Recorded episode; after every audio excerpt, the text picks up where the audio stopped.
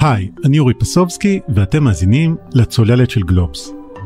אני רוצה לקחת אתכם רגע למרץ 2020. או ליתר דיוק, ל-12 במרץ 2020. זה היה יום חמישי.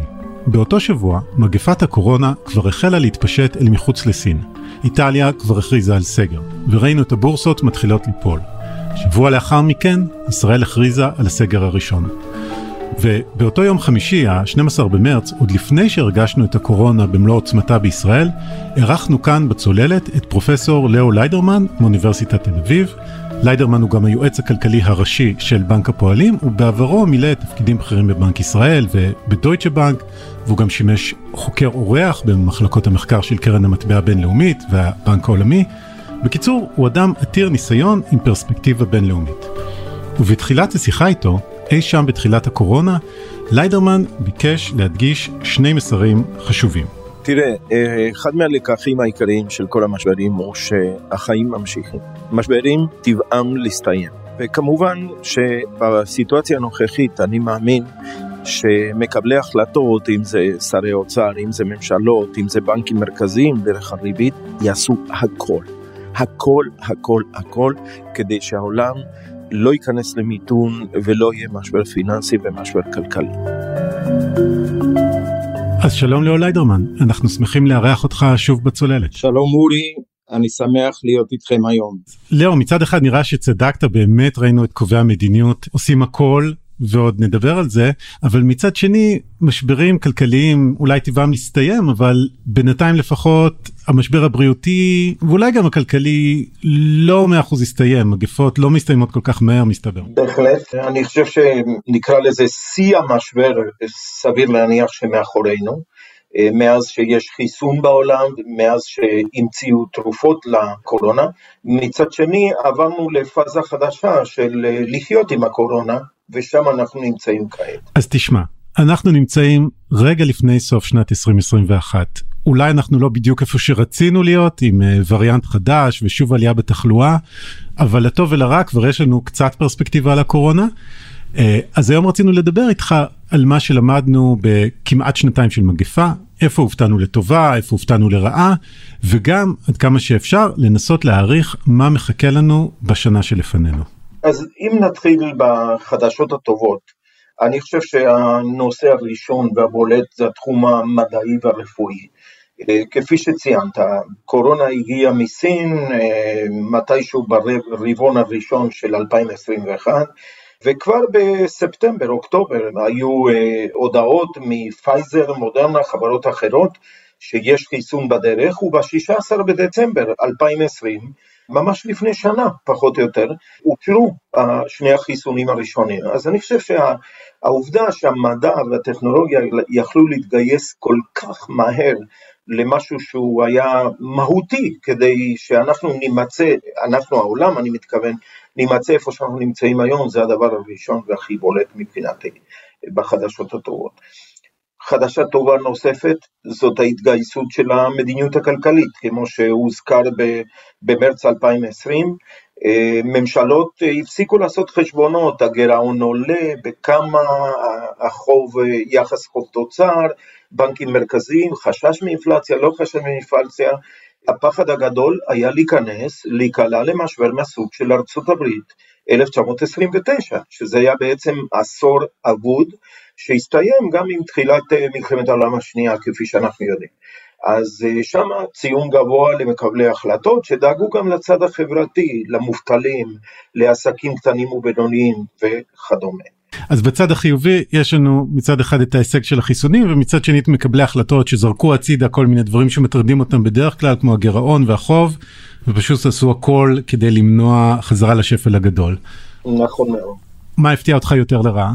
לפני זה אני רק רוצה להוסיף סעיף קטן לצד החיובי וזה היכולת שלנו כבני אדם להסתגל להכל, אוקיי?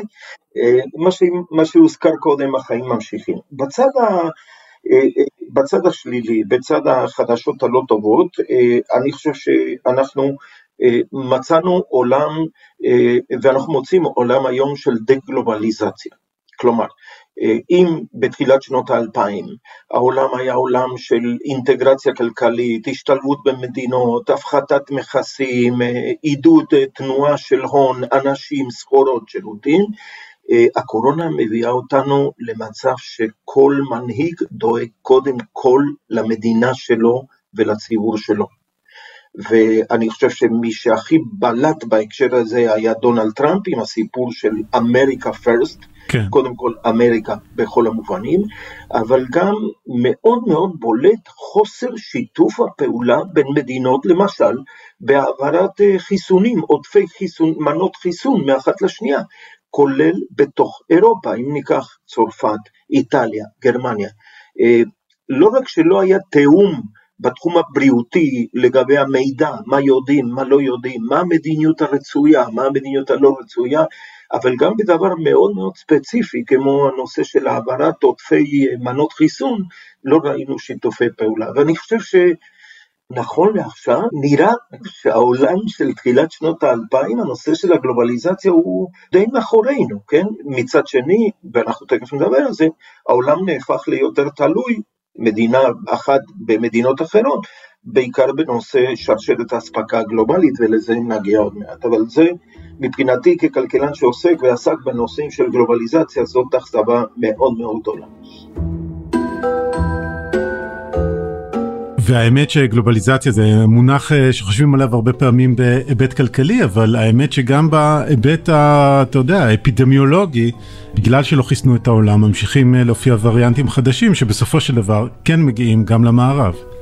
בהחלט. עכשיו, נושא נוסף בתחום, בוא נקרא לזה השלילי, או שיותר מאכזב, זה הנושא של אי השוויון.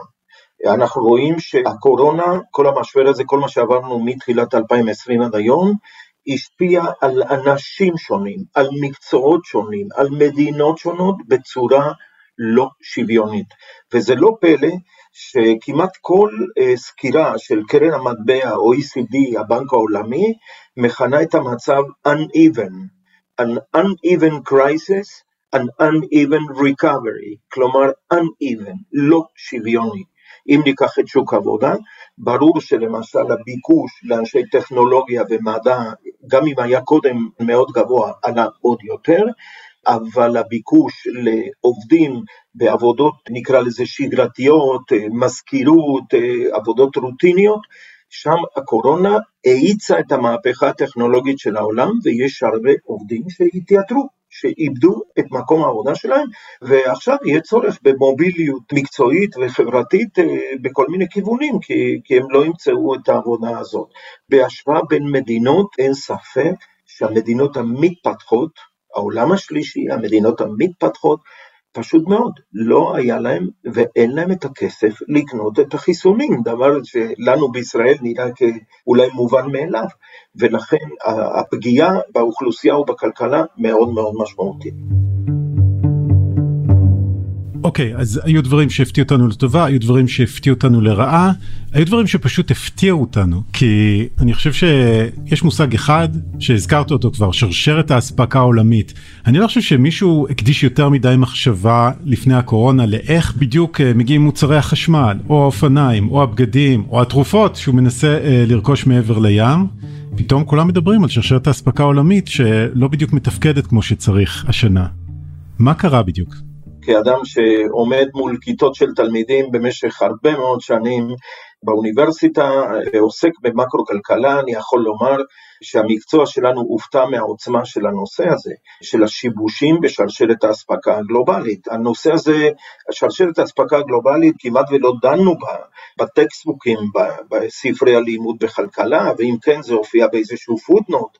והנה אנחנו מוצאים עולם שבו בעקבות זה שהתפתח מחסור של למשל שבבים, ובעקבות אה, זה שנמלי ים נסגרו, ובעקבות זה שהיה מחסור בנהגים כדי להוביל סחורה מנמל ים לכל מיני מקומות תעשייתיים, חלק ניכר למשל מתעשיית המכוניות אה, מאוד מאוד נפגעה, ועד היום מפעלים תעשייתיים ויצרני מכוניות לא חזרו לפעילות רגילה.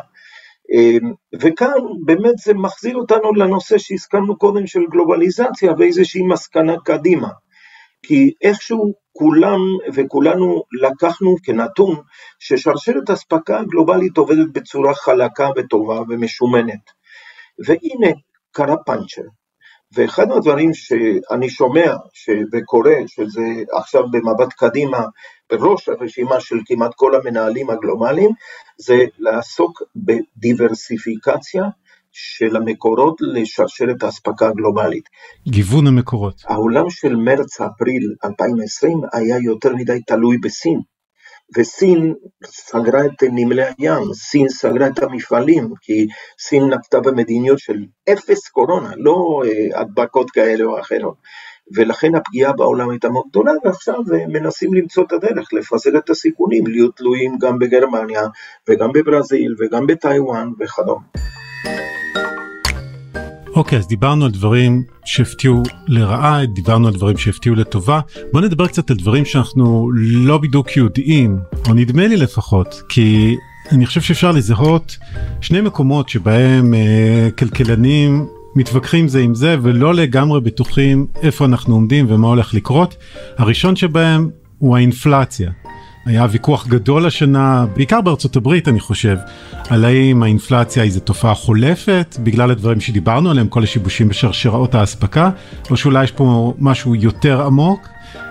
ולמרות שאפילו בפדרל ריזרב, הבנק המרכזי האמריקאי, קצת התחילו להודות שזה יותר קבוע, עדיין אני מרגיש שהוויכוח הזה נמשך. כלומר, אנחנו לא 100% בטוחים אם האינפלציה פה כדי להישאר. זה מה שנדמה לי, אבל מה אתה חושב?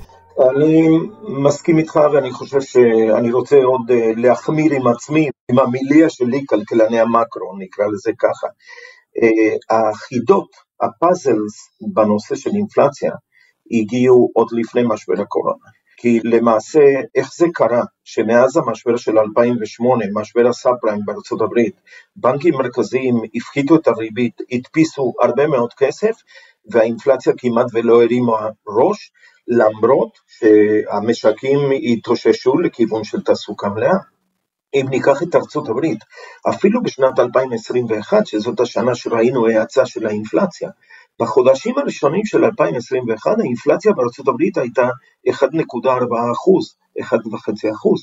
זה קרה רק באפריל, מאי, יוני, שעם השיבוש בשרשרת האספקה ראינו את ההאצה של האינפלציה. אבל מה שאני אומר שגם ב-2018, 2019, אנחנו ככלכלנים לא ידענו להסביר בצורה מדויקת, או כמה שיותר מדויקת, את הירידה בסביבת האינפלציה בכל העולם. אז יש, כפי שאמרת, הסברים, נושאים של טכנולוגיה, גידול בפריון, גלובליזציה וכדומה.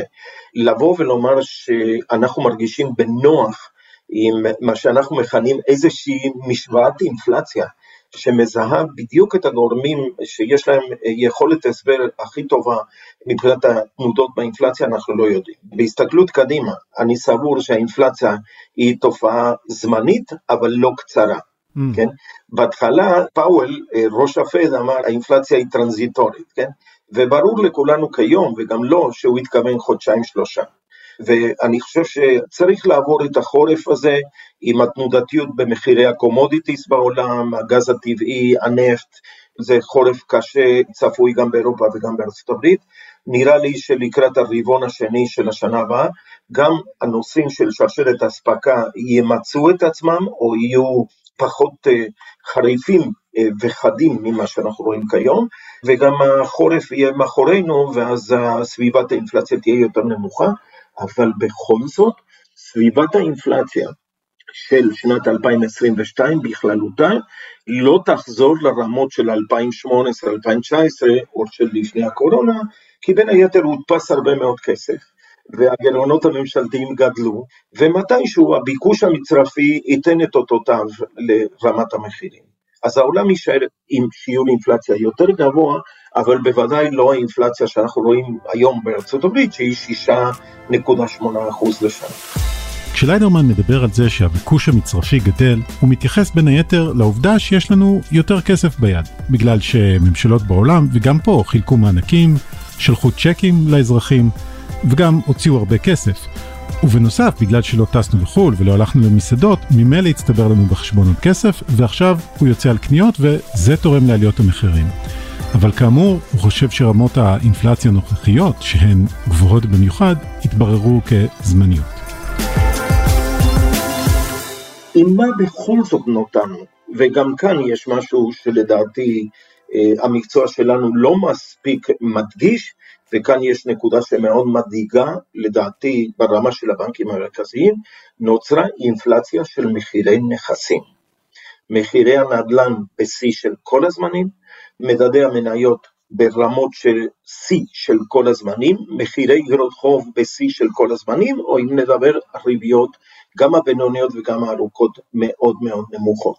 העולם בעקבות הריביות הנמוכות של הבנקים המרכזיים מאז 2008 וההתמדה בזה, העולם נהפך לעולם יותר ממונף. ואם אנחנו מסתכלים על הגידול העצום בחובות וביחס החוב לתוצר, גם של ממשלות, גם של משקי בית וגם של קונצרנים, של חברות שהנפיקו את עצמן, אני חושב שזה מוקד סיכון פיננסי מאוד מאוד מאוד משמעותי, כך שהייתי אומר שבמובן מסוים המערכת הפיננסית עם הריביות הריאליות השליליות נמצאת רחוקה מלהיות במצב שאפשר להגדיל אותו כשיווי משקל.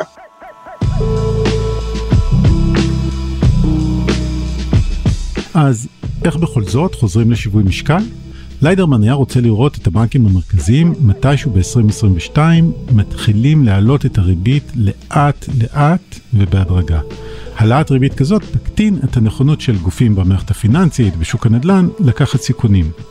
אבל הוא אומר, הבנקים המרכזיים נמצאים במלכוד, כי מצד אחד המצב הנוכחי של ריביות נמוכות גורם לסיכון ללכת ולהצטבר במערכת, אבל מצד שני העולם כבר צבר הר של חובות שחלקם בריבית משתנה. כלומר, אם הבנקים המרכזיים יעלו את הריבית, גם הריבית על החובות האלה תתייקר ועשוי להיווצר משבר חובות. ולכן הבנקים המרכזיים צריכים להתקדם מאוד בעדינות, כמו שהוא מנסח את זה. רק להתעכב איתך בקצרה על משהו שאמרת לגבי האינפלציה.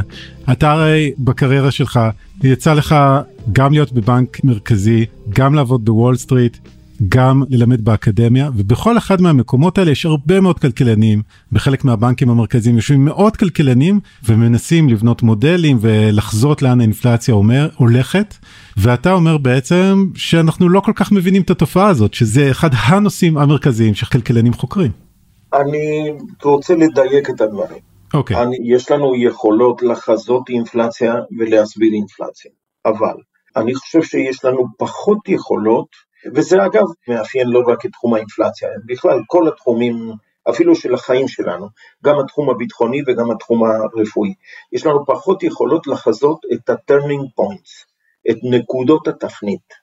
כשאני אומר אינפלציה, כשהעולם נמצא על איזושהי סביבת אינפלציה של 3-4 אחוז בשנה, אז אנחנו יודעים להסביר את זה באמצעות שינויים מוניטריים ופיסקליים וכדומה. אבל אה, כשאנחנו מסתכלים על תפניות, על שינויים במגמה, אז זה יותר קשה מכיוון שיש שם אירועים בלתי צפויים, כן? לא היה כלכלן אחד, כולל עבדך הנאמן, שבתחילת 2021 חזה שארצות הברית, נכון לחודש נובמבר, תהיה עם אינפלציה של 6.8%. ואם היה מישהו כזה, היינו חושבים שלמשל הריביות והתשואות בשוק ההון יהיו מאוד גבוהות. והיינו חושבים אולי שארצות הברית שהיא מדינה בעיקר נומינלית, שוק המניות הוא יורד, כי כל החשיבה שם היא חשיבה של אינפלציה יציבה ונמוכה. ו... והנה, הגענו לזה, ו... והנה אפילו פאוול עם ה-200 או 300 כלכלנים בפדרל ריזרב, בהתחלה אמר transitory והתכוון לחודשיים, ועכשיו מדברים על זה שזה ייקח עד לאמצע שנה הבאה. גם ברפואה, יש יכולות לחזות משברי בריאות, נגיד חולה לב, מישהו עם בעיות בתחום הקרדיולוגיה, אז אפשר לחזות אה, לאן זה הולך מבחינת המגמה, אבל את התפנית, מדוע אה, מר לוי או גברת כהן בחודש מסוים המצב יידרדר ויידרדר לא רק באופן זמני, אלא לכמה חודשים או שנים טובות, זה משהו שיותר קשה. אז אני חושב ששם אנחנו נמצאים בהקשר הזה.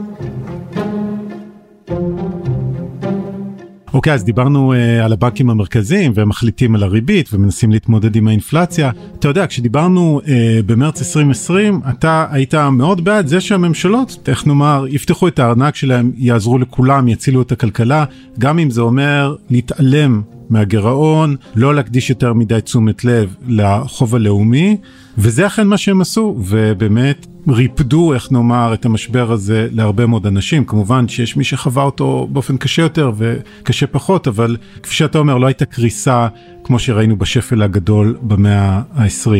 אבל עכשיו אנחנו uh, כמעט שנתיים אחרי, וכן, החובות קפצו, מה עושים עכשיו? עכשיו קודם כל האתגר חזר להיות, אה, ואף פעם לא נעלם, האתגר של בריאות הציבור. וכמו שאמרנו במרץ 2020, צריך לעשות הכל כדי שאומיקרון או ספיחים של הקורונה לא יביאו לגידול כזה בבדיקות שיסכנו את בריאות הציבור, שיהיה עומס על בתי החולים וכולי.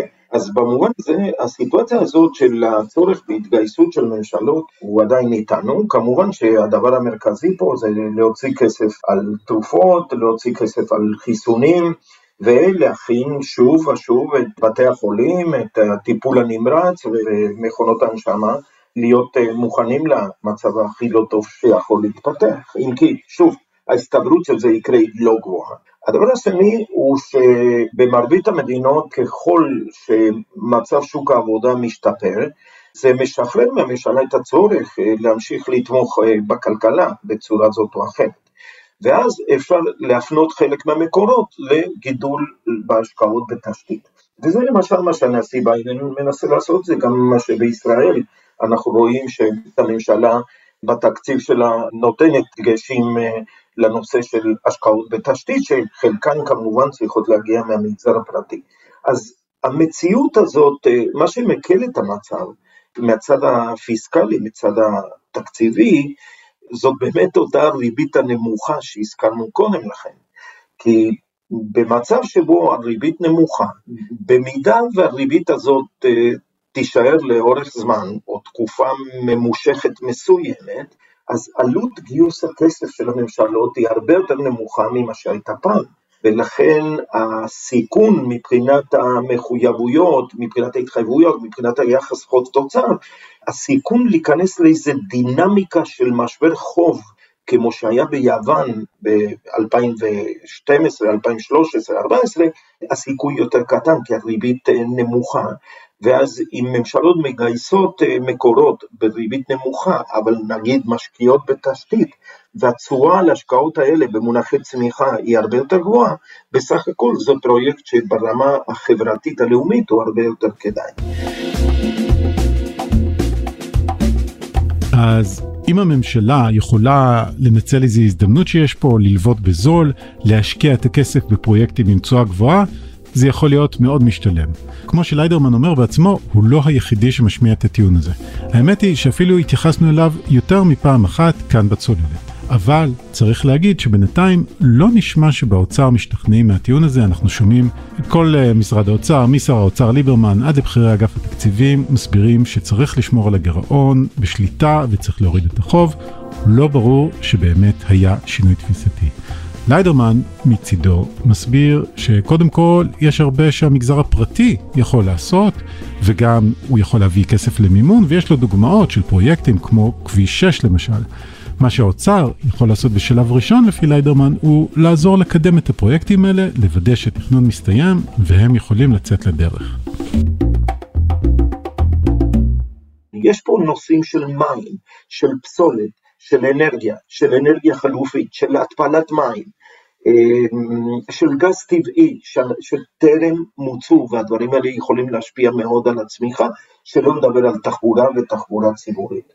בתקופה של ריביות נמוכות וכל כך הרבה צרכים לטווח הבינוני והארוך, נראה לי שמותר לממשלות להגדיל במעט את הגירעון ולתת ליחס חוב תוצר לגדול במעט יחסית. מצד שני, ברור שמבחינת משרד האוצר, יש פה איזה מצב של תורת המשחקים, של כלכלה מדינית מול המשרדים האחרים, כי כמו שאומר הביטוי, ברגע שאתה פותח את הדלת להגדלות תקציביות, אתה לא יודע מה עוד יבוא, אה, יבוא שר החינוך או שרת החינוך ויגידו גם חינוך זה תשתיות. יבוא שר הרווחה או שרת הרווחה ויגידו גם רווחה זה חלק מהתשתית החברתית של המשק. ולכן אני חושב שכן, יש איזה תפקיד מרכזי למשרד האוצר לשמור על המשמעת באופן כולל, אבל אה, איך אומרים, לא צריך ללכת לקיצוניות, ונראה לי שבאוצר מבינים היטב שאם תהיה חריגה מסוימת אה, מהתוכניות, אני לא חושב שזה ידרדר את המצב הפיסקלי של המדינה. שוב, כשאתה משווה בעיקר למדינות אחרות, וזה מה שסוכנויות הדירוג עושות. לקראת סיום אני מבקש מליידרמן לקחת צעד אחורה.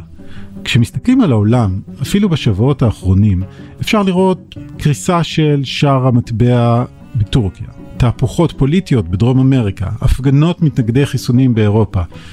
יש קצת תחושה, אני אומר לו, של חוסר יציבות. כן, אני חושב שהעולם נהפך למקום הרבה פחות שקט ממה שהכרנו בחלק מהשנים הקודמות.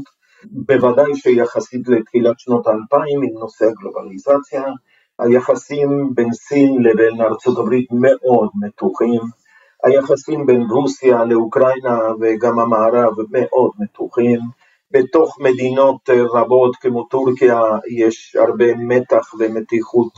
ניקח את ארצות הברית אפילו, אפשר לומר שמה שקרה בשליטה בינואר, פתאום ההתנפלות של ההמון על הקפיטול, התנפלות מאוד אלימה, שבעצם קשה לדמיין שדבר כזה יקרה. העולם נהפך למקום אה, לא שקט, אה, אי השוויון שגדל תורם לזה. הגלובליזציה בעצמה, אה, עוד לפני הקורונה, הפירות שלה לא הגיעו לכולם במידה שווה, לא שזה צריך להגיע לכולם במידה שווה, אבל בוודאי שהיו קבוצות באוכלוסייה שהרגישו שהן נדחו, ותחומים של טכנולוגיה, פיננסים, כמובן שההכנסות שם גדלו, ואנשים חוו אה, פריחה כלכלית אה, ופיננסית. וכן, אני חושב שצפוי איזשהו אה, עולם של טלטלות פוליטיות וגיאופוליטיות ואיזשהו חוסר יציבות, ואנחנו לא יודעים מה סין מתכוונת לעשות עם טיוואן. מאוד מעניין שסין פתאום גם מסתכלת יותר ויותר פנימה, כי כידוע, אם דיברנו קודם על אי שוויון, יש איזו מחאה חברתית לטנטית שבמדינה דיקטטורית כמו סין לא יכולה לצאת לידי ביטוי באופן חופשי, אבל אזורים בפריפריה של סין, כשהם משווים את עצמם למצב בשנגחאי או בבייג'ין, הם מרגישים שהם לא היו חלק מהדיבידנדים של הצמיחה המואצת של סין ב-10-20 השנים האחרונות.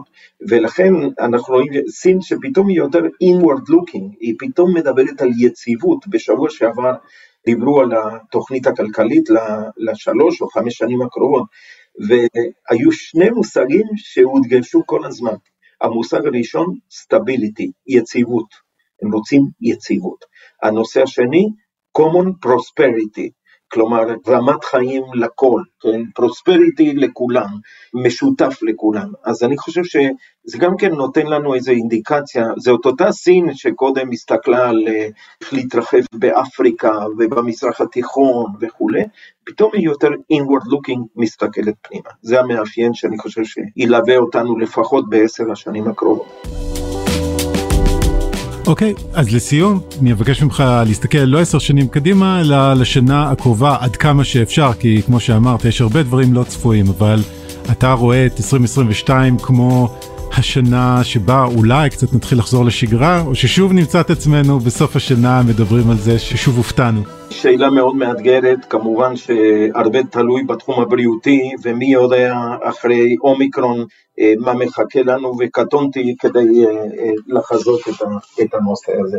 אני חושב שאפשר לחלק את 2022 לשני חלקים. בחלק הראשון של השנה אנחנו צפויים לראות האטה של הצמיחה יחסית לתחזיות שכמעט כל הגופים הנפיקו בחודשים האחרונים, אם זה קרן המטבע או ECD, בנק ישראל, בנק עולמי.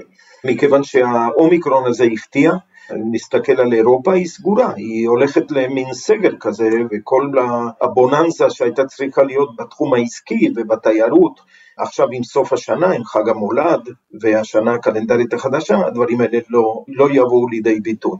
אז אני חושב שצמיחה מדשדשת בחצי הראשון של השנה, ושוב אנחנו נהיה עם טלטלות אולי קצת תנודתיות פיננסית, בעיקר סביב הנושא של האינפלציה ומה תהיה התגובה של הבנקים המרכזיים, כי כאמור הנושא של השיבושים בשרשרת האספקה עדיין לא מוצו.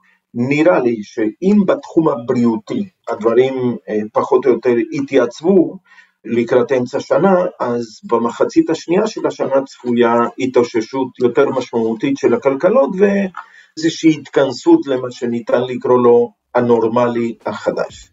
אבל כידוע, כלכלה ומשברים והרבה מהתנודות מונעות על ידי הפתעות, ואת אלה קשה מאוד לחזות מראש. מקווה שנופתע לטובה. לאו ליידרמן, תודה רבה. תודה לך.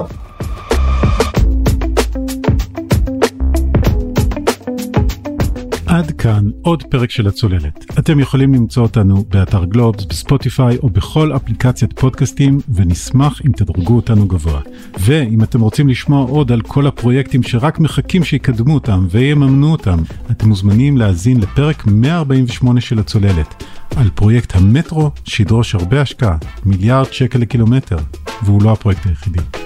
עורך הסאונד הוא ניר לייסט, הילה וייסברג היא עורכת הפודקאסטים של גלובס, אני אורי פסובסקי, להתראות.